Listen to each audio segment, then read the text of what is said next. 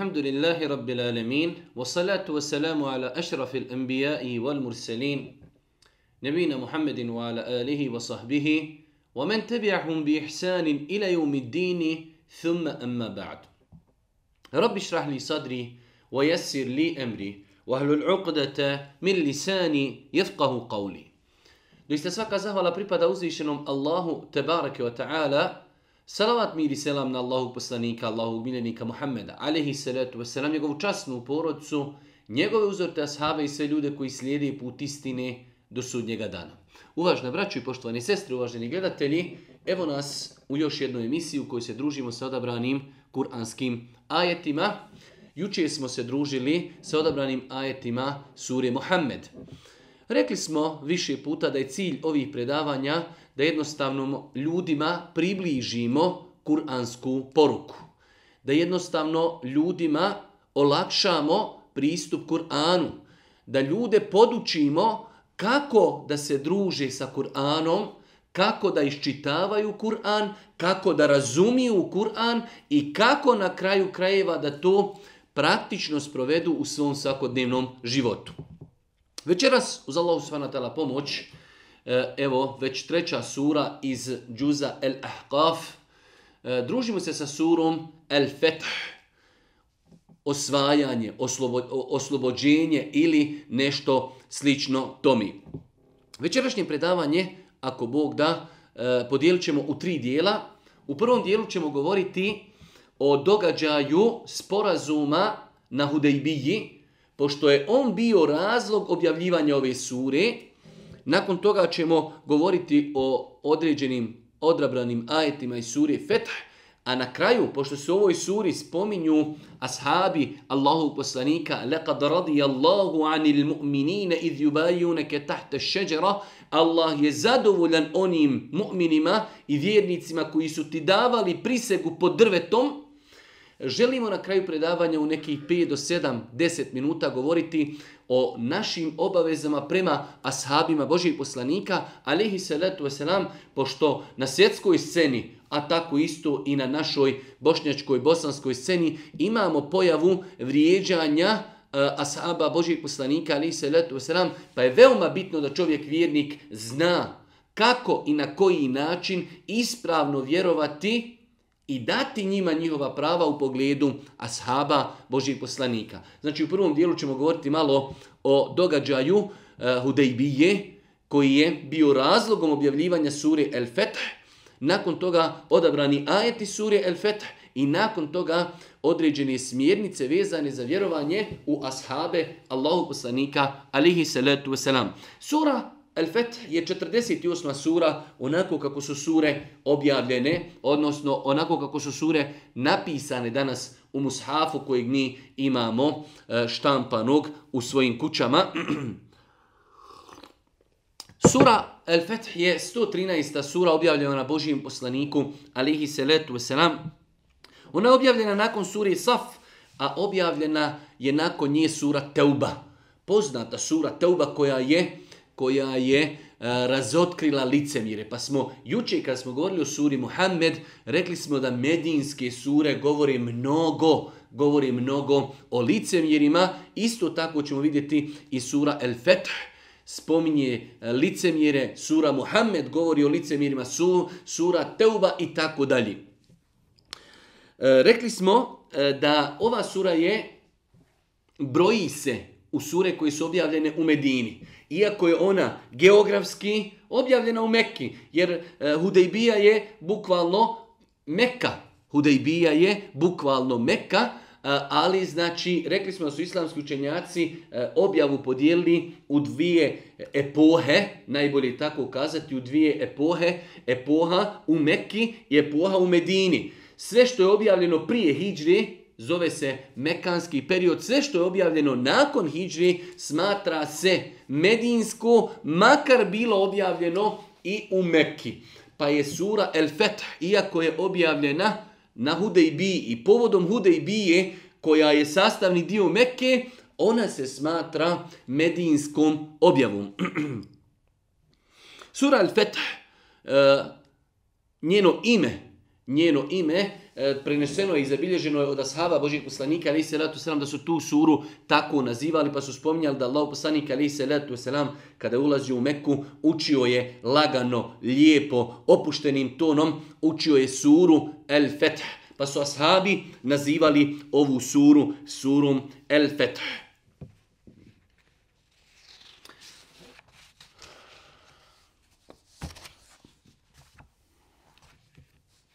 Rekli smo da je ova sura objavljena, objavljena povodom događaja na Hudejbiji. O čemu se radi? Šeste godine po Hidžri u mjesecu Zul Qaddetu, eh, Allah poslanik alaihi salatu wasalam vidio je, vidio je san u Medini. Šest godina već kako je Boži poslanik učinio Hidžru.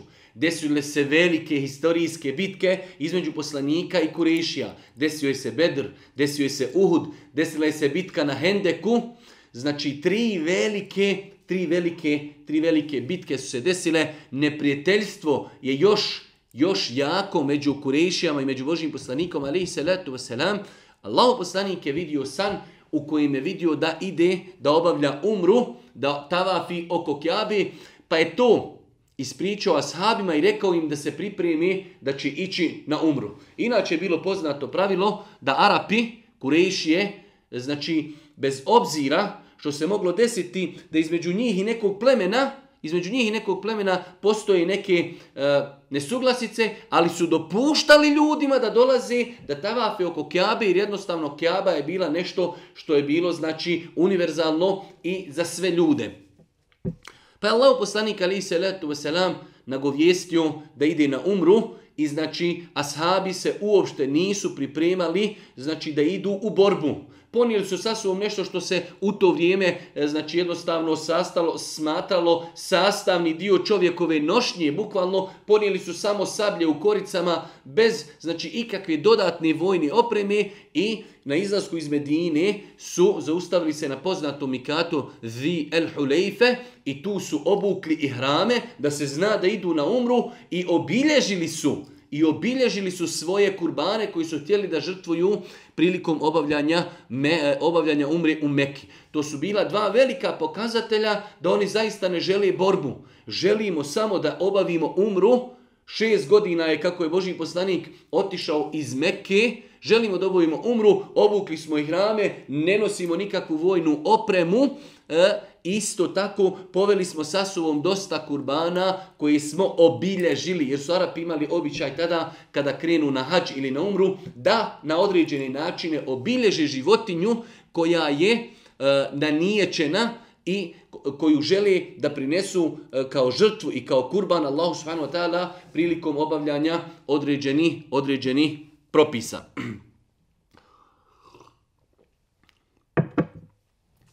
Allah poslanik ali se letu selam, e, mi ćemo to skratiti do onog momenta što nam je najbitnije. Stigao je skoro pa do same Mekke. Bilo je tu određenih, određenih zaustavljanja, određenih pokušaja da se Boži poslanik odvrati, ali Boži poslanik ali se letu selam sa svojim ashabima išao je različitim putevima, izbjegavao je e, razno razne neke prepreke koji su postavljane od strane Kurešija kako bi ih vratile od njihove nakane, jer sama činjenica ako bi se dopustilo Božim poslaniku ali se letu selam da dođe u Meku, oni su to smatrali smatrali jednim velikim, jednim velikim porazom. Nakon toga kada se Allahu poslanik približio do Mekke i došao je do tog mjesta Hudejbije, e, došlo je i počeli su da se šalju izaslanici počeli su pregovori između Božijeg poslanika, alihi salatu wasalam, i Mekelija, odnosno Kurešija. Pa su oni poslali jednog, drugog, trećeg čovjeka iz zaslanika, koji su razgovarali sa Božim poslanikom, alihi salatu wasalam. Nakon toga Allah poslanik je odlučio da pošalje svog izaslanika, pa je htio da pošalje e, Omera, pa je Omer rekao Boži poslaniće, ja nemam dole svoje rodbini ako bi neko tijelo da me vrijeđa i, i na kraju krajeva i nešto loše da mi uradi, nema neko ko će me od moje porodice štititi, Osman ima svoje dole rođake i svoju rodbinu, bolje da pošalješ Osmana, radi Allahu ta'ala anhu. Pa je tako i bilo. Allah poslanik, alihi salatu wasalam, poslao je Osmana, radi Allahu ta'ala anhu, da ide na pregovore sa Kurešijama, da im pojasni da samo E, želi Allah poslanik da uđe u Meku, da nije došao da se bori, došao je samo da obavi umru i da se vrati, da znači prinesu kurbane, žrtve uzvišnom Allahu subhanahu wa ta'ala. Pa je otišao Osman radijallahu ta'ala anhu, a njegov povratak je malo prolongiran, okasnio je čekajući njihovu povratnu informaciju. U muslimanima i među muslimanima se proširila vijest da je Osman ubijen. Pogledajte koliko je opasno znači žuriti sa prenošenjem informacija. Znači, radilo se možda o neki par sahata samo kašnjenja, pronijela se informacija da je Osman radijallahu ta'ala ubijen, pa je Allah poslanik ali salatu wasalam selam okupio svoje ashabe, bilo je oko 1400 do 1500, a sad su je poveo i svoju suprugu Umu Seleme, e, koliko se sjećam da je bila njegova supruga Umu Seleme, i da je Allah poslanik pozvao svoje ashabe da daju prisegu, i ta prisega se zove Bijatur Ridvan pod jednim drvetom su sjedli, davalo prisegu Božijem poslaniku, ali se letu selam, da će se boriti ako bude tačna informacija da je Osman radijallahu ta'ala ubijen. Pa je Allah poslanik svoju ruku stavio i kazao ova ruka je za Osmana. Znači, kao da i Osman daje prisegu, u tom umeđu vremenu se pojavio i Osman radijallahu ta'ala anhu, pa su shvatili da ta informacija nije tačna. Nakon toga, E, u pregovore i na pregovore su poslali Kurejšije čovjeka koji se zvao Sehl ibn Amr. U arapskom inače Sehl znači nešto lagahno, nešto jednostavno, pa je Allah poslanik kada ga je ugledao, Allah poslanik je inače bio veliki optimista u životu, kaže ovaj čovjek Sehl, došao nam je u pregovore jednostavan i lagan čovjek, sa njim ćemo završiti, sa njim ćemo završiti, ako Bog da, završiti pregovore. Došao je da pregovara između Kurešija i Božih poslanika, alihi salatu veselam, da predstavlja Kurešije. Pa su se dogovorili, pa su se dogovorili da se Allah poslanik alihi salatu veselam, vrati sa svojim ashabima, jer je to kao za Kurejšije sramota. Oni su došli, hiljadu često ljudi, za njih je to bila velika sramota, kao to bi bio neki poraz za njih, pa su rekli e, u redu, prihvatamo da dođete na umru, ali sljedeće godini. Čekajte godinu dana. Pa su znači postavili četiri uvjeta koji će, koji će biti između Božijeg poslanika i njih. Prvi uvjet je bio da se Božji poslanik alaih salatu wasalam vrati i da dođu u sljedeće godine na umru. Iako je na izgled ovo bio jedan vid poniženja za muslimane i ashabe, ali s druge strane nesvjesno su Kurešije prihvatile faktor da je Muhammed alihi salatu veselam neko s kime se uh, sarađuje, neko s kime se razgovara, neko s kime se potpisuju ugovori, neko s kime se pravi primirja, neko kome se daje obećanje da dolazi sljedeće godine na umru. Samim tim, iako su oni postigli neku sekundarnu korist, u smislu, evo mi smo njih vratili, ali na, na daleke staze nisu bili svjesni da su dali legitimitet Muhammedu alaihi salatu wasalam i njegovoj pojavi samo i njegovoj poslanici i njegovoj vjeri i njegovim ashabima. Pa su potpisali, prvi uvjet je bio da se vrati i da, da obavi umru ako Bog da sljedeće godine. Drugi uvjet je bio da se obustavi neprijateljska djelovanja između dvije strane i da svako od dvije strane, muslimani, Muhammed a.s. i Kurešije i stanovnici Mekke, imaju pravo da s njima ulazi u savezništvo kogod hoće i da svako ko sa njima uđe u savezništvo treba druga strana da poštuje znači prestanak ratnih vojnih aktivnosti protiv njih i protiv onih koji su s njima u savezništvu. Svakako I ova stvar, i ova stvar je dala legitimitet Božijem poslaniku, alihi salatu wasalam, obustavili su, obustavili su vojne aktivnosti, nepetstvo na period od 10 godina. Tada je potpisano, potpisujemo, obavezujemo se da prestajemo sa vojnim aktivnostima i napadima u periodu 10 godina, što je dalo muslimanima, vidjet ćemo poslije, velika, velika, veliku mogućnost djelovanja. Allaho poslanik je taj period iskoristio, prije toga je imao ratove, imao je bitke Bedr, pa Uhud, pa e, e, imao je saveznike Hendek. Kada je bio siguran da više nema rata, Allahu poslanik se okrenuo prema Hajberu, Allahu poslanik se okrenuo, slao je pisma kraljevima i vladarima najvećih imperija tog vremena. Pa je Allah poslanik iskoristio vrijeme, e, pa kao što kažu historičari, Boži poslanik se nakon dvije godine vratio, već je sa sobom imao deset hiljada vojnika kada je, kada je osvajao Mekku, a tada je sa njim bilo 1400 do 1500 ljudi. Koliko je Allahu poslanik iskoristio period primira sa Kurešijama da je radio, pozivao je plemena, ljude, vladare, vladare tog vremena u islam.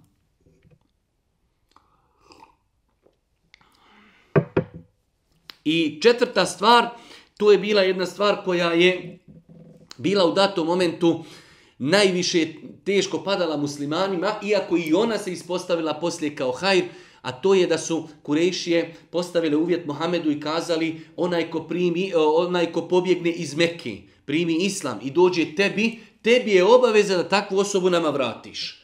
A ako neko od tebe dođe nama u Meku, ostavi islam, mi ga tebi nećemo vratiti. Pa je Muhammed alaihi salatu wasalam pristao na ove uvjete koji su na izgled, na izgled za ljude koji gledaju kratkoročno, izgledali protiv muslimana.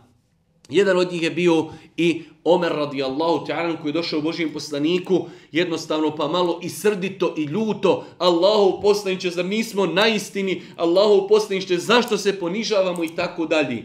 Ovaj, ovaj ugovor i događaj na Hudejbije danas, u današnjem halu i stanju muslimana, mnogo bitan. Da muslimani iz njega uzmu pouke i poruke.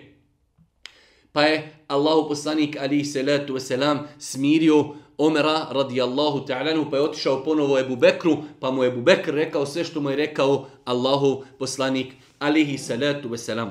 Nakon toga je došlo do samog čina potpisivanja, pa kada su rekli, hajde da potpišemo Bismillahirrahmanirrahim, Sehli rekao, kakav ar-Rahman, ar-Rahim, mi to ne znamo. Mi ćemo napisati Bismike Allahumme. Neće da prihvate termine Islama ar-Rahman ar-Rahim, milostivi samilosni.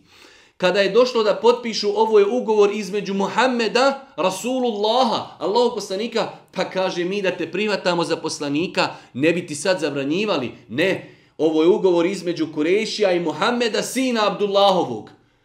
Pa je rekao Boži poslanik Ali, izbriši ovo Rasulullah, pa je Alija odbio, pa je Allahu poslanik alihi salatu wasalam izbrisao tu riječ i tako su e, definisali, definisali taj ugovor. U tom momentu još nisu završili sin od ovog sehla. Sin od ovog sehla je došao i pribjegao je bio muslimanima, pa je rekao e, sehl koji pregovara ispred Kurešija, prvu osobu koju ćeš nam vratiti jeste ovaj moj sin, jeste ovaj moj sin Ebu Džendel. Njega ćeš prvog sad vratiti. Pa je poslanik rekao, pa još nismo završili sa potpisivanjem ugovora. Kaže, ne, ako nećeš mi njega vratiti, nema ništa od ugovora. Pa je na izgled teška situacija. Oni uzimaju tog čovjeka, vraćaju ga u Meku, on plaće i zove, kaže, ljudi, zar ćete me ostaviti ovdje kod njih? Allahu poslanik ali se leto selam rekao da će tebi Allah dželešanu izlaz iz te situacije u kojoj se nalaziš. Pa je poznata je ona priča kako se to završilo, da ljudi koji su primali islam nisu mogli ići poslaniku, ali ih se letu veselam u Medinu, već su se nastanili u nekim planinskim prijedjelima gdje su dočekivali kurešijske karavane koje su donosile trgovačku robu za Meku. Znači formirala se jedna skupina ljudi sa poznatim ashabom Ebul Basirom, pa su oni napadali te karavane do te mjere da su kurejšije same došli i rekli poslaniku ovaj uvjet koji smo potpisali, mi ga poništavamo, ljudi koji prime islam u Mekki, žele da dođu, da učinu uđu u Meku, u Medinu, tebi neka idu, neka idu slobodno. Nakon toga Allah poslanik ali se letu wasalam naredio ashabima i takav je propis kada neko krene u Meku, a bude spriječen da dođe da obavi umru, tada čovjek skida i hrame, kolje svoj kurban i time je e, završeno znači ono što je on namjeravao. Pa je Allah poslanik rekao ashabima da zakolju svoje kurbane, da skinu i hrame, pa su oni odbili u, u, u, u želji, ne bili došla objava, ne bili se nešto promijenilo da on ipak obavi umru. Pa je to teško palo Božijem poslaniku, alihi salatu wasalam, pa je otišao kod svoje supruge Umu Seleme, pa joj je kazao da mu je teško, a ona zrela, pametna, pronicljiva, kaže Allahu poslaniće. Nemoj nikom ništa govoriti. Izađi iz šatora, uzmi svoj kurban, zakolji ga, obri svoju glavu, skini rame, pa ćeš vidjeti. Kad su oni vidjeli da je Boži poslanik zaklao svoj kurban, da je obrijao ili skratio svoju kosu, skinuo svoje hrame, tada su oni pohitali i pohrlili da se svi da se svi pokori tom propisu. Svakako da je ovdje znači njihovo e, odbijanje propisa više bilo u želji da će se možda nešto nešto promijeniti, a ne kao klasična standardna nepokornost Božijem poslaniku alihi salatu veselam. To je nešto rezimirano nakon što se desi ovaj događaj na Hudejbiji, objavljuje se sura Inna fetahna leke fethan mubina. Mi ćemo ti poslaniće podariti i dati veliku pobjedu. Taj događaj, taj ugovor, taj sporazum na Hudejbiji, on će uzrokovati veliku pobjedu, a to će biti osvajanje, osvajanje Mekke. Znači, imali smo na početku nekoliko osnovnih karakteristika vezani za suru El Feth. Imali smo uvod historijski događaj e, kako se desio sporazum na Hudejbiji. Svakako, događaj na Hudejbiji, o njemu bi se moglo pričati dugo. E, mnoge pouke i poruke iz ovog događaja bi se mogle uzeti i za naš sadašnji život u kojem trenutno živimo, ali za nekada drugi put, ako Bog da, ono što je nama bilo bitno jeste da znamo da je sura Feth, koju mi večeras komentarišemo, objavljena, znači nakon ovog, nakon ovog događaja na Hudejbiji, pa je Allahovom poslaniku objavljena sura kazao je objavljeni su mi ajeti koji su mi draži od svega što ima na Dunjaluku. Kaže uzvišeni Allah, inna fetahna leke fethan mubina. Mi ćemo ti dati sigurnu pobjedu. ليغفر لك الله ما تقدم من ذنبك وما تأخر ويتم نعمته عليك ويهديك صراطا مستقيما وينصرك الله نصرا عزيزا الله جل شانه obećava Allahom poslaniku alihi salatu wasalam da će mu upotpuniti blagodati, da će se njegova vjera proširiti, da će njegova vjera znači biti jaka, stabilna, da će se vratiti u Meku, da će ga pomoći velikom, velikom pomoći. Pa kaže uzvišeni Allah, mi ćemo ti dati sigurnu pobjedu, da bi ti Allah i ranije i kasnije krivice oprostio, uzvišeni Allah uzdiže Muhammed alihi salatu selam kaže da ti Allah oprosti ono što si uradio i ono što ćeš uraditi, sve će ti uzvišeni Allah oprostiti, da bi blagodat svoju prema tebi potpuno učinio, da bi te na pravi put uputio i da bi te Allah pobjedonosnom pomoći pomogao. Da bi ti Allah dao veliku pomoć i veliku pobjedu, znači Vidjeli smo da je ovo bila jedna velika uvertira nakon koje dolazi osvajanje Mekke. Samim osvajanjem Mekke to je bio jedan glavni triumf za vrijeme Božije poslanika, ali i salatu wasalam, a širenje Islama na ostale dijelove zemaljske kugle tada poznati nastavili su njegove halife i nakon njih drugi muslimanski vladari, ali e, ajde da kažemo glavna stvar koja se mogla i trebala desiti za vrijeme Božih poslanika jeste po iz Medine dolazak osvajanje Mekke, da Kjaba prema kojoj se okreću muslimani u namazu, da ona bude oslobođena i da ona bude znači muslimanska i da ona bude u rukama muslimana, što se alhamdulillahi rabbil alamin i desilo. I ovaj događaj je bio uvertira, uvertira za sve to. On uliva, uzvišeni Allah uliva smirenost u srca vjernika, da bi povećao vjerovanje koje imaju, a vojske nebesa i zemlje su Allahove. Allah sve zna i Allah je mudar, Allah je taj Huwa alladhi anzala as-sakinata fi qulubi al-mu'minin. On je taj koji ulijeva smirenost u srca vjernika. Teški su to momenti. Licemjeri pritišću Božijeg poslanika, alaihi salatu wasalam, teški su to momenti, ljudi su došli 400 km pješici, hoće da uradi, e, hoće da uradi umru, e, kureši im to ne daju, vraćaju ih, dođite sljedeće godine. To se smatralo u tom vremenu jedan vid poniženja, pa je uzvišeni Allah ulio smirenost u srca vjernika da se pokori Allahu subhanahu wa ta'ala i njegovom poslaniku alihi salatu wasalam. Lijezdadu imanem ma imanihim da bi se povećao njihov iman. Iman po ispravnom vjerovanju i jedan od ajeta koji potvrđuje tu tezu jeste i ovaj ajet se povećava i smanjuje. Iman nije nešto fiksno.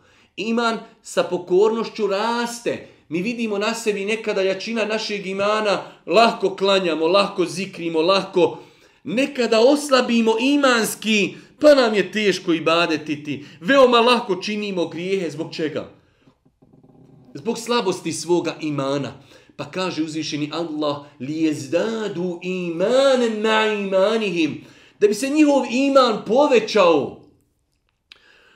I kaže, وَلِلَّهِ جُنُودُ السَّمَاوَاتِ وَالْأَرْضِ a Allahove su vojske na zemlji i na nebesima. Allahu akbar. Wa kana Allahu alimen hakima. Allah je sveznajući, Allah je mudri.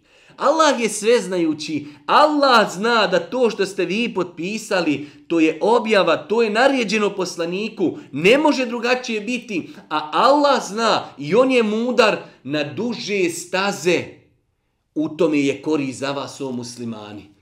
Pa muslimani moraju biti pametni, moraju biti pronicljivi, moraju gledati dugoročno, ne smiju gledati znači samo ispred sebe, moraju imati strategiju, moraju gledati dugoročno, moraju razmišljati dugoročno. Pogledajte ovaj ugovor i sporazum na Hudejbiji, nakon E, zamislite čovjek kad dolazi u muslimanske redove, kažu, e ovo je prvi koji ćete nam vratiti. 1500 ljudi, ashaba, svi spremni da poginu. To je jedan vid poniženja. Strpi se, strpi se. Sad imate 10 godina da djelujete, da radite. Taj jedan čovjek jeste, to je problem. Ali njegova šteta, ako bi je mogli nazvati štetom, u odnosu na korist koja proizilazi iz tog sporazuma, mogo bi taj čovjek biti razlogom da se taj sporazum poništi. A korist iz tog sporazuma je za islam i poslanika i za muslimane velika. Ovo je bila prekretnica u islamu. Pa je Allah Đeršanu ovaj sporazum naziva Fethan Mubina, velika, velika, velika pobjeda.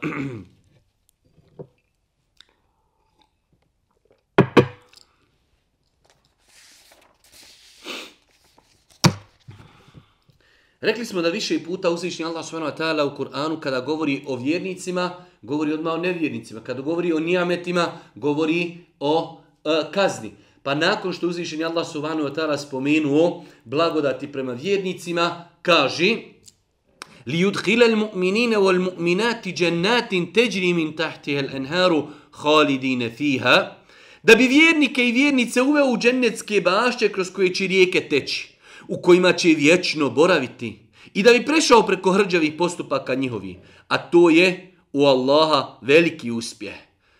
Da bi Allah nagradio vjernike i vjernice i uveo ih u džennet u kojima će vječno ostati i da bi im oprostio grijehe, velike feuzul azim, to je veliki uspjeh. Najveći uspjeh je, o brate, o sestro, da se čovjek spasi na ahiretu. Da ne izgubi ahiret. To je pravi uspjeh. To je veliki uspjeh. Zato ćemo vidjeti u Kur'anu ovaj termin, fraza feuzul azim. Ako ne u svim situacijama, onda u većini situacija se koristi kada se govori o ahiretu. To je pravi uspjeh. Da čovjek iskoristi prolazni dunjaluk i da sa njim zaradi vječni ahiret. To je pravi uspjeh. Pa kaže uzvišeni Allah, nakon što je spomenuo nagradu vjernicima i da je to pravi uspjeh i da bi kaznio licemire i licemjerke i mnogobošce i mnogoboškinje koji Allahu zlo misli, neka zlo njih snađi. Allah se na njih rasrdio i prokleo i pripremio e, i pripremio za džehennem, a grozno je on boravište.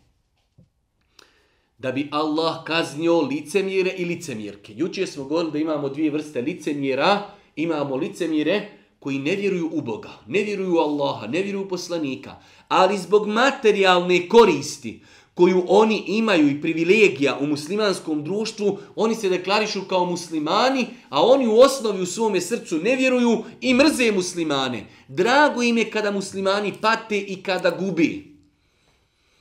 To su pravi licemjeri i oni će biti u najvećim dubinama džehennema. Imamo ljude koji su vjernici, ali zbog slabosti svoga imana imaju neke samo osobine, ali osobine više praktične od ovih koji su pravi licemjeri. Pa ova druga kategorija, to su muslimani, ali imaju pri sebi te neke osobine koji bi svakako trebali da se klonu. Allah poslani kaže u onom hadisu kojeg bilježi Buharija i Muslim, eh, svojstva licemjera su kada govori, laži, kada obeća, pronevjeri, kada mu se nešto da e, to ne ispuni i tako dalje. Pa znači to su svojstva koja bi vjernik trebao da izbaci iz svoga života jer je to nešto svojstveno licemirima, to nije svojstveno muslimanu. Pa kaže uzvišeni Allah i da bi kaznio licemjere i licemirke i mnogo božce i mnogo bogoškinje koji o Allahu zlo misli. Neka zlo njih snađi, Allah se na njih rasrdio i prokleo ih. I pripremio za njih džehennem, a grozno je on boravište. Kada se ovdje kaže koji u Allahu zlo misli, licemjeri i nevjernici u Allahu zlo misli, mislili su licemjeri da se Allahova vjera neće proširiti da islam neće uspjeti. Čak ovaj odlazak poslanika na umru, vidjet ćemo da je bilo plemena i ljudi koji su izostali, jer su očekivali, odoše oni, nisu naoružani, desit će se borba i sve će to biti pobijeno, nestaće islama i nestaće muslimana i nestaće Božih poslanika, alihi salatu wasalam. Pa Allah Žešanu kaže, i da bi kaznio licemjere i licemjerke, i mnogobošce i mnogoboškinje, koji o Allahu zlo misli. O Allahu zlo misliti je to da će njegove vjere nestati. I danas ne smije čovjek sumnjati ni jednog momenta. Islam može biti ranjen, Islam može biti osakačen, Islam može pasti, Islam može posrnuti, ali Islam ne može nestati, Islam ne može iščeznuti. Zašto? Zato što je Allah, gospodar zemlje i nebesa, obećao, oni žele da utrnu Allahovo svjetlo. Allah će dati da njegovo svjetlo sija, makar to ne bilo po volji i nevjernicima i mnogobošcima. Pa je Allah, gospodar zemlje i nebesa, obećao. Mi možemo biti razlogom da muslimani i islam se uzdignu ili da budu poniženi. Ali će islam kao vjera ostati. Pogledajte šta je islam prodevera u komunističkom sistemu.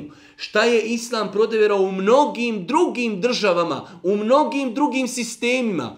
To ne bi mogla izdržati ni jedna niti jedna druga religija, niti bilo koji sistem, ono što je izdržao islam i islam, elhamdulillah, svakim danom sve jači, sve bolji, sve znači napredniji.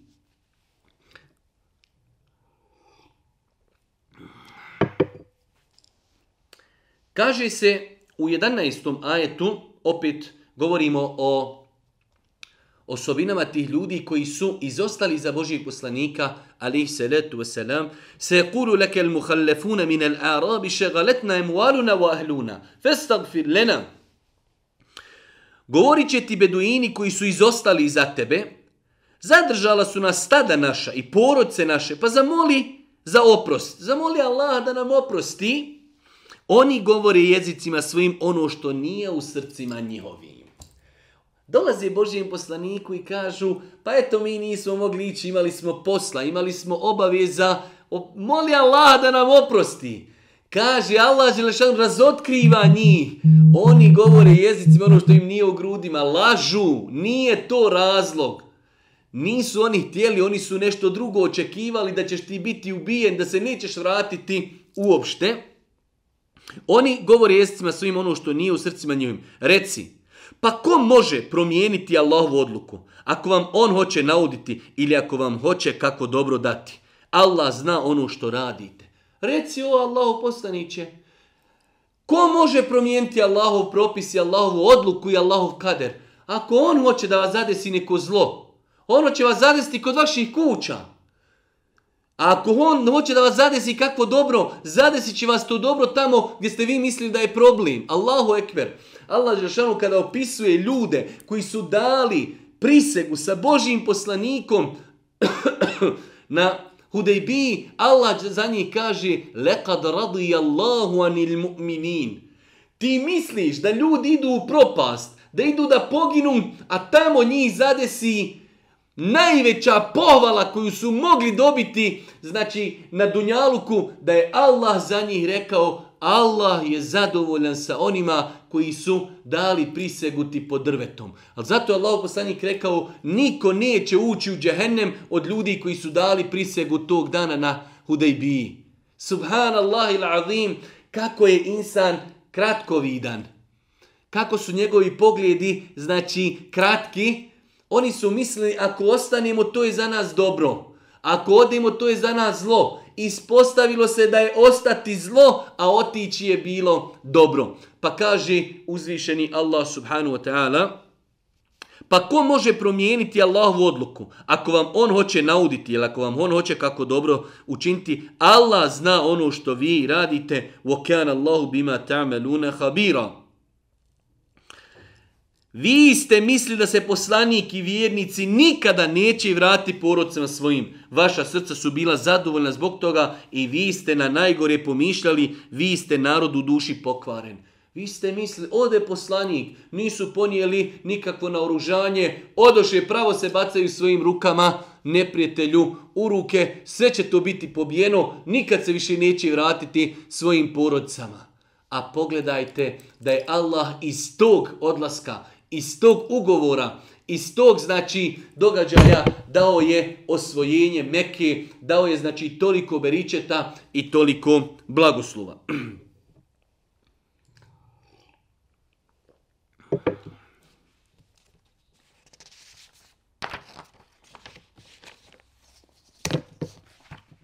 U 17. ajetu uzvišen Allah subhanahu wa ta'ala pojašnjava bez obzira što je bila kritika na one koji nisu išli sa Božim poslanikom u taj pohod i u druge pohode na Tebuk i na Hajber i znači u druge pohode i generalno znači e, ljudi koji se ne odazovu u pozivu imamo u islamu situacije e, koji imaju validan razlog da se ne odazovu onda kada budu pozvani u borbu.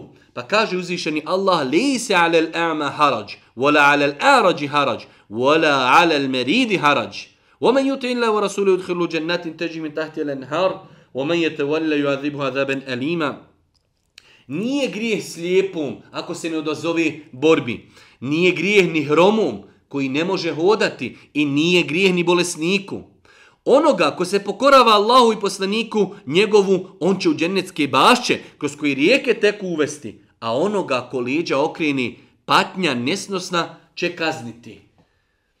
Pojenta je da čovjek bude iskren između sebe i svoga gospodara. Onaj ko ima iskren nijet i namjeru, kao što se znalo dešavati za vrijeme Božih poslanika, da je znao reći kada su išli prema Tebuku, kaže mi nismo prošli ni kroz jednu dolinu i nismo zadesli nas nikakav nedača, a da neki ljudi koji su ostali iza nas u Medini nisu zajedno s nama u nagradi. Kako god mi nagradu imamo, imaju i oni.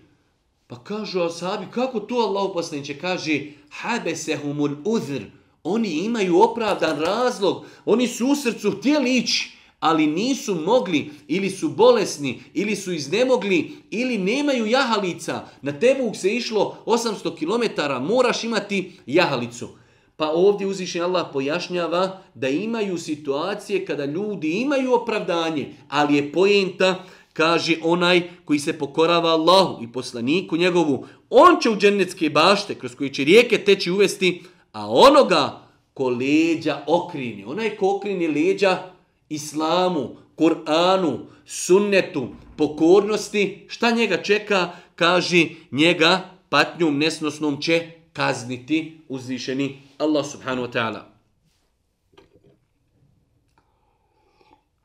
Nakon toga dolazimo do onih ajeta kojima uzvišeni Allah hvali ashabe koji su prisustvovali sa Božim poslanikom e, tog dana na Hudejbiji kada su dali kada su dali pris, kada su dali pris, kada su dali prisegu Božijem poslaniku pa kaže Allah je zadovoljan onim vjernicima koji su ti se pod drvetom na vjerno zakljeli. On je znao šta je u srcima njihovim, pa je spustio smirenost na njih i nagradit će ih skorom pobjedom i bogatim plijenom koji će, koji će uzeti, jer Allah je silan i mudar. Allah vam obećava bogat plijen koji ćete uzeti, a s ovim je požurio, misli se na Hajber ili na Hudejbiju, i ruke ljudi od vas zadržao, da bi to bio poučan primjer za vjernike i da bi vam na pravi put ukazao. Allah Đelšanu počinje ove ajete i kaže لَقَدْ رَضِيَ اللَّهُ عَنِ الْمُؤْمِنِينَ إِذْ يُبَايِعُونَكَ تَحْتَ شَجَرَ Allah je zadovoljan onim vjernicima koji su ti pod drvetom na vjerno se zaklijeli. Allah je sa njima zadovoljan. Allahu ekber. Ima li veće stepena? Ima li veće privilegije? Ima li veće satisfakcije da neko za njega uzvišen je Allah kaže Allah je zadovoljan sa tim i tim. Zato mi za ashabe Božih poslanika kada uvijek kažemo rekao je Ebu Hureyre radi Allahu anhu Allah bio zadovoljan sa njim. Jer su to ashabi sa kojima je zadovoljan uzvišeni Allah subhanahu wa ta'ala pa kaže Allah je zadovoljan onim vjernicima koji su ti se pod drvetom na vjernost zaklili. On je znao šta je u srcima njihovim, pa je spustio smirenost na njih i nagradit će ih skorom pobjedom i bogatim plijenom kojeg će uzeti. Nagradit će ih skorom pobjedom. Inšala, to je osvajanje Mekke i mnoga druga osvajanja koja će nastupiti čak i osvajanje Hajbera i veliki ratni plijenovi koje će muslimani poslije toga a, dobiti u razno raznim bitkama koje će voditi. Pogledajte šta sve se šta sve se znači e, nadovezalo na ovaj na ovaj događaj na Hudejbiji. Jer je Allah siran, silan i mudar. Allah vam obećava bogat plijen koji ćete uzeti, a s ovim je požurio. S ovim je požurio, kažu učenjaci da se misli s ovim sa Hudejbijom. A neki kažu sa ovim ono što ćete dobiti nakon Hudejbije muslimani su osvojili Hajber i ruke ljudi je od vas zadržao. Muslimani su otišli nenaoružani. Čak jedne večeri dok su muslimani bili na Hudejbiji, dok su tu zanočili, jedna skupina kurejšijskih mladića, željna borbe, željna nekog dokazivanja, krenuli su u muslimanski logor da uđu, da napravi pomjetnju, ne bili došlo do varnica i ne bili došlo do e, sukoba između poslanika, alihi salatu veselam, pa je ta grupa mladića koji je bilo 80, osujećeni su, uhvaćeni su, pa je Boži poslanik oslobodio, pustio ih kurešijama, sve kao znak da nije došao da se bori i želi da potpiše s njima primirje. Pa Allah Žešanu to navodi i kaže, ruke ljudi od vas je zadržao. Allah vas je sačuvao. Vidite ljudi u Medini, beduini kažu, otišli su, neće se nikad vratiti.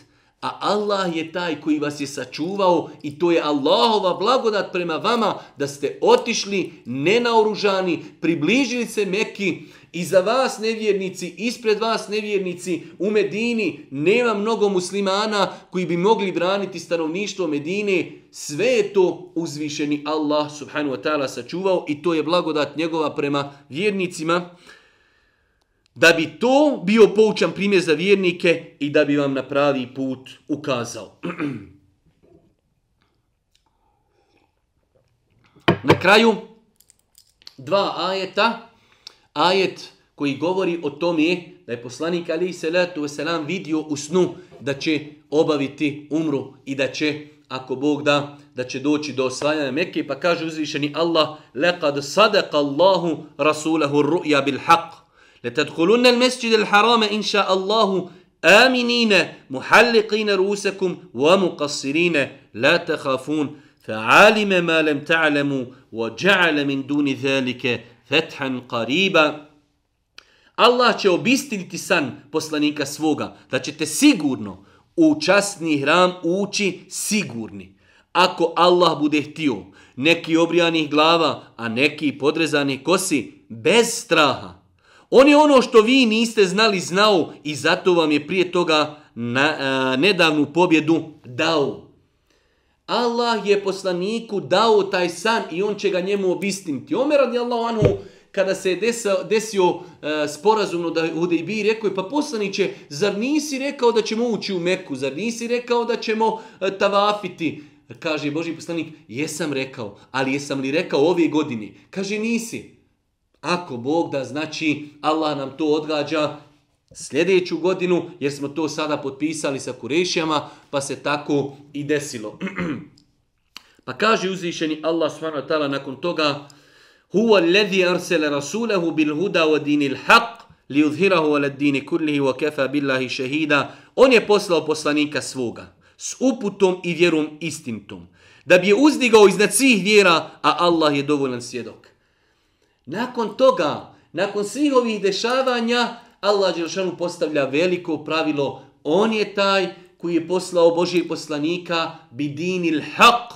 Poslao ga je sa pravom vjerom. Zašto? li yudhirahu ale dini kulli, da bi din islam uzdigao, uzvisio, ponudio, dao, dostavio cijelom čovječanstvu, wa kefa billahi šehida, Allah je dovoljan svjedok za takve stvari. Pa je Allah taj koji je poslao Muhameda alihi salatu wasalam da dostavi islam, pravi put, put istine cijelom čovječanstvu, a kao što je došlo u drugim ajetima, pa makar to ne bilo, makar to ne bilo po volji nevjernicima i makar to ne bilo po volji mnogobošcima. Zadnji ajet, 29. ajet u suri, u suri Muhammed, ajet koji govori o poslaniku, ali se letu wasalam, i njegovim ashabima, pa kaže uzvišeni Allah, Muhammedur Rasulullah, والذين معه أشدوا على الكفار رحماء بينهم تراهم ركعا سجدا يبتغون فضلا من الله ورضوانا سيماهم في وجوههم من أثر السجود I do kraja ajeta, Muhammed je Allahu poslanik. Allahu ekber. Allah Đelešanu kaže za Muhammeda, Muhammedun Rasulullah. Kada je potpisivao Allahu poslanik alaihi salatu wasalam sa ovim Suhejlom ibn Amrom, onaj ugovor kaže ovo je ugovor između Muhammeda Allahog poslanika, kaže ne, nije, mi te ne priznamo, kaže izbriši Alija, ali ja sam Allahog poslanik, makar to oni ne priznavali. Allah Đelešanu kaže Muhammedur Rasulullah. Allah kaže Muhammed je Allahov poslanik. A njegovi sljedbenici su ponosni prema nevjernicima, a samilosni među sobom. Vidiš ih kako se klanjaju i licem na tle padaju želeći Allahovo zadovoljstvo i, e, zadovoljstvo i nagradu. Vidiš ih kako se klanjaju. Osobina mu'mina, vjernika, jeste namaz, seđda, ruku, pokornost, poniznost. To je opis vjernika. Kaže uzvišeni Allah s.w.t. Muhammed je Allahu poslanik. Njegovi sljedbenici su ponosni prema nevjernicima, a samilosni među sobom. Vidiš ih kako se klanjaju i licem na tle padaju, želeći Allahovu nagradu i zadovoljstvo. Na licima su im znaci, tragovi od padanja, od padanja licem na tle. Vjernik, danas kada odete kod Arapa, nerijetko možete vidjeti čovjek na njegovom licu, vidite na njegovom čelu tragovi seđdi. A neki ljudi opet, njihovi tragovi nisu bukvalno vidni koliko je vidno to njegovo nurli lice. Vidiš čovjeka, možda je cijelu noć stajao pred uzvišenim Allahom na noćnom namazu, pa uzvišeni Allah da kao ta neka refleksija od uzvišenog Allaha na njegovom licu, pa ti vidiš tog čovjeka sutra da je pun nekog nura, pun neke svjetlosti, pun neke prijatnosti što je nemoguće skoro pa opisati. Pa kaže uzvišeni Allah subhanahu wa ta'ala Simahum fi vujuhihim min etheri suđud, zalike metherum fit teura. Na licima su im znaci tragovi od padanja licem na tle. Tako su opisani u Tevratu. Tako su vjernici opisani u Tevratu. Da padaju na čelo, čelom na seđdu, da su u molitvi, da su međusobno milostivi. A kaže, a u Inđilu, oni su kao biljka kada izdanak svoj izbaci, pa ga onda učvrsti i on ojača i ispravi se na svojoj stabljici izazivajući divljenje sijača. Da bi on, Allah, s vjernicima najedio nevjernike, a onima koji vjeruju i dobra djela čine, Allah obećava oprost i nagradu veliku. Onima koji vjeruju u Allaha Đelešanuhu, koji su pokorni, vjeruju, Allah Đelešanuhu obećava oprost, obećava džennet, obećava nagradu. Molim uzvišnog Allaha subhanahu wa ta'ala da nas učini od njegovih iskrenih robova. Za kraj, rekli smo da ćemo na kraju ovog predavanja, zbog bitnosti temi, pošto se u ovim uh, ajetima uh, spominju ashabi, veoma je bitno da čovjek musliman zna, pogotovo što živimo u vremenu putem interneta, razno raznih profila, razno raznih stranica, evo kod nas na bosanskom jeziku imate izuzetno dosta materijala propagandnog koji govori protiv ashaba, napada na Ebu Bekra, na Ebu Hureyru, na Omera, na Aishu i tako dalje. E, dosta toga je pod plaštom kako radi Rafidije, znači pod plaštom ljubavi, ehlul bejta i tako dalje. Pa da vidimo šta to musliman mora vjerovati da bi njegovo vjerovanje bilo ispravno u pogledu ashaba Božih poslanika, alihi salatu wasalam. Kada se kaže sama riječ ashab, ashab je osoba koja je vidla Božih poslanika, za njegovog života, jer mi možemo danas vidjeti poslanika u snu, ali nismo ashabi. Znači da je vidio Allahu poslanika za njegovog života. Da je u njega povjerovao i da je na tome umro. Tako bi se možda najjednostavnije moglo definisati ko je to ashab. Onaj koji je vidio Božijeg poslanika u živo, povjerovao u njega i umro na tome. Jer može čovjek doći, vidjeti poslanika, povjerovati i odmetnuti se od vjeri. Pa onda kažemo, ashab je onaj koji je vidio Božijeg poslanika svojim očima za njegovog života, povjerovao u njega, Božijeg poslanika i umro na tomi. Kakve su naše obaveze prema toj prvoj, najboljoj generaciji islama i muslimana? Pa kažu islamski učenjaci, prva stvar, naša ljubav prema tim ljudima, prema sahabima, ubraja se u pokornost Allahu Đelešanu. Znači, nemojte zaboraviti, voliti ashabe, voliti Ebu Bekra, voliti Omera, voliti Ebu Hureyru, voliti Aliju, voliti sve ashabe Božijeg poslanika, to je ibadet, to je pokornost Allahu subhanahu wa ta'ala, a isto tako mržnja ashaba je vid licemjerstva, da mrzimo ljude koji su najviše žrtvovali za ovaj din. Ljude koji su u najtežim momentima ponijeli baklju islama, ljudi koji su svojim sabljama, svojim sabljama se borili na Bedru i na Uhudu i na Hendeku i na Tebuku i dođe danas neki bošnjo polu pjani, nakljuka se nekog dima, nekog grafidijskog dima i onda počne psovati po Ebu Bekru i po Aliji, e, po Ebu, neće po Aliji, po Ebu Bekru, po Omeru, pa i po Osmanu, po Ebu Hureyri, po Aiši, po Hafsi i tako dalje. Čuvajte se, moj savjet, bilo koja stranica gdje vidite da se u negativnom kontekstu spominje bilo koji ashab, odmah tu strancu blokirajte. Pa je e, naša ljubav prema ashabima i badet. Dalje. Ta generacija, to je generacija koja je imala najčišća srca i najbolji iman. moramo znati da je Allah Đelešan taj koji je poslao Muhammeda i njemu je počinio tu generaciju koja će ponijeti baklju, baklju Islama. Oni su živjeli s poslanikom, oni su nje gledali kako živi Islam i oni su najbolji razumijevali din Islam. Najbolji među njima je apsolutno, definitivno Ebu Bekr radijallahu ta'lanhu. Nakon njega je najbolji Omer po konsenzusu islamskih učenjaka. Nakon njega najbolji je Osman, a nakon njega najbolji je Alija radijallahu ta'lanhu. Sve njih mi volimo, ali je ovo redoslijed njihovih vrijednosti. Ebu Bekr, Omer, Osman i Alija radijallahu ta'ala anhu. Isto tako, e, nakon njih četvorice, najbolji su oni kojima je Allah poslanik obećao džennet. Imamo hadis da Allah poslanik ali se letu u vjerodostojnom hadisu kazao desetorici ljudi garantujem džennet. Pa je spomenuo četvoricu halifa koji smo sada spomenuli Ebu Bekr i Osman i Alija i o, Omer radijallahu ta'alanu. Nakon toga dodao još šestoricu ljudi. Talha ibn Ubejdillah, Zubair ibn Awam, Sad ibn Abi Waqqas, Sa'id ibn eh, Zaid, Ebu Ubejde, Amir ibn Al-Jarrah i Abdurrahman ibn Auf radijallahu ta'ala anhum. Pa idemo, znači, proširujemo taj krug ashaba. Najbolji je Ebu Bekr, pa Omer, pa Osman, pa Alija, pa desetorica ljudi kojima je obećan džennet.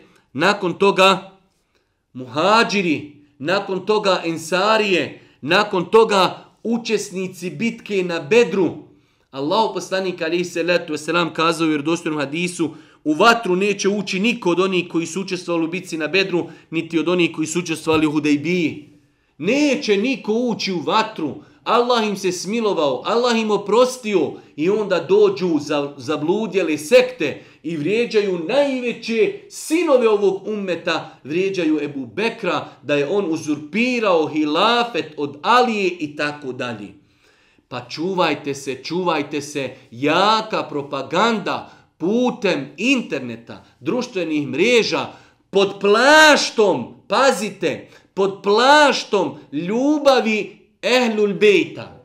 Dok čujete da neko previše ehlul bejt, ehlul bejt, svaka druga ehlul bejt, stavi tu upitnik. Da, ehlul bejt ima svoja prava, ali ne prava na uštrb da psujemo i vrijeđamo Ebu Bekra i da vrijeđamo Omera i ostali ashabe.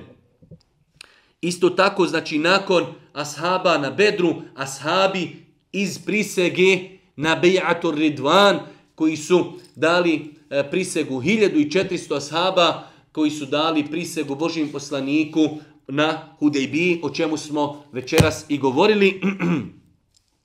Nakon toga, ashabi koji su primili islam prije osvajanja Mekke, pa nakon toga ashabi koji su primili islam nakon osvajanja Mekke i koji su bili iskreni prema uzvišenom Allahu subhanahu wa ta'ala. Svi svim muslimanima obaveza je voljeti ashabi i biti zadovoljan njima. Zato mi volimo one koji voli ashabe. Zato mi kažemo kada sreknemo Ebu Bekr radi Allahu anhu. Osman radi Allahu anhu. Alija radi Allahu anhu. Hasan radi Allahu ta'ala anhu. Husein radi Allahu ta'ala anhu.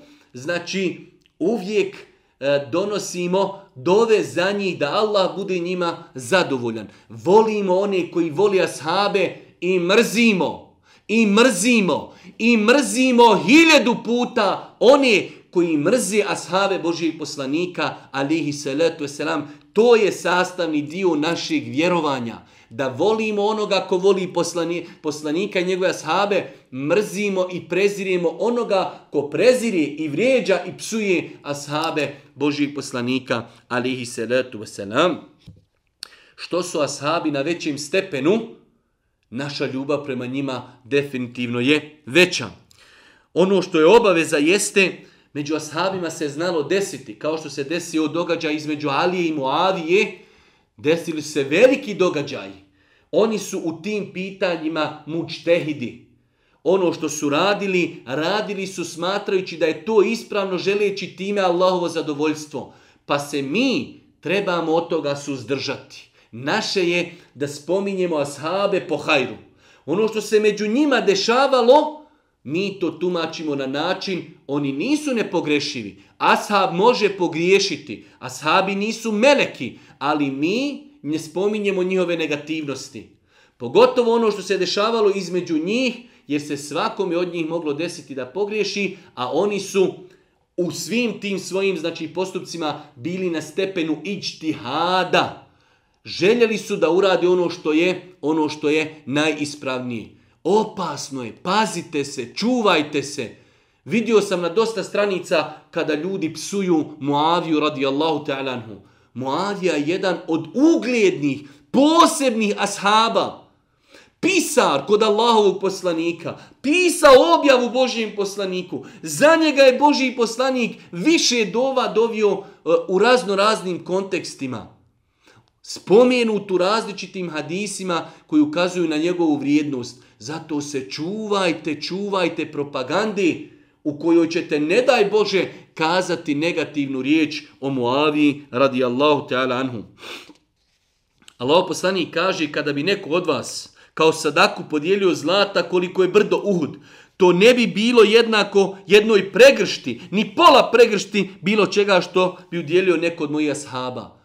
Kada bi mi danas udjelili zlata koliko je brdo Uhud, to ne može izjednačiti pregršt ili pola pregršti što su udjelili ashabi. Zbog njihove vrijednosti i zbog e, bitnosti onog momenta kada su oni nosili E, zastavu Islama. Pa molim uzvišnog Allah subhanahu da nas poduči propisima vjeri, da nas učini od onih ljudi koji ispravno vjeruju, koji ispravno tumači din, Islam i koji ispravno se obhodi prema ashabima Božijeg poslanika, alihi salatu wasalam, subhaneke, Allahumma da bihamdike, ešhedu in la ilaha ilan stakfiruke, ve etubu ilik. Oh. Ah.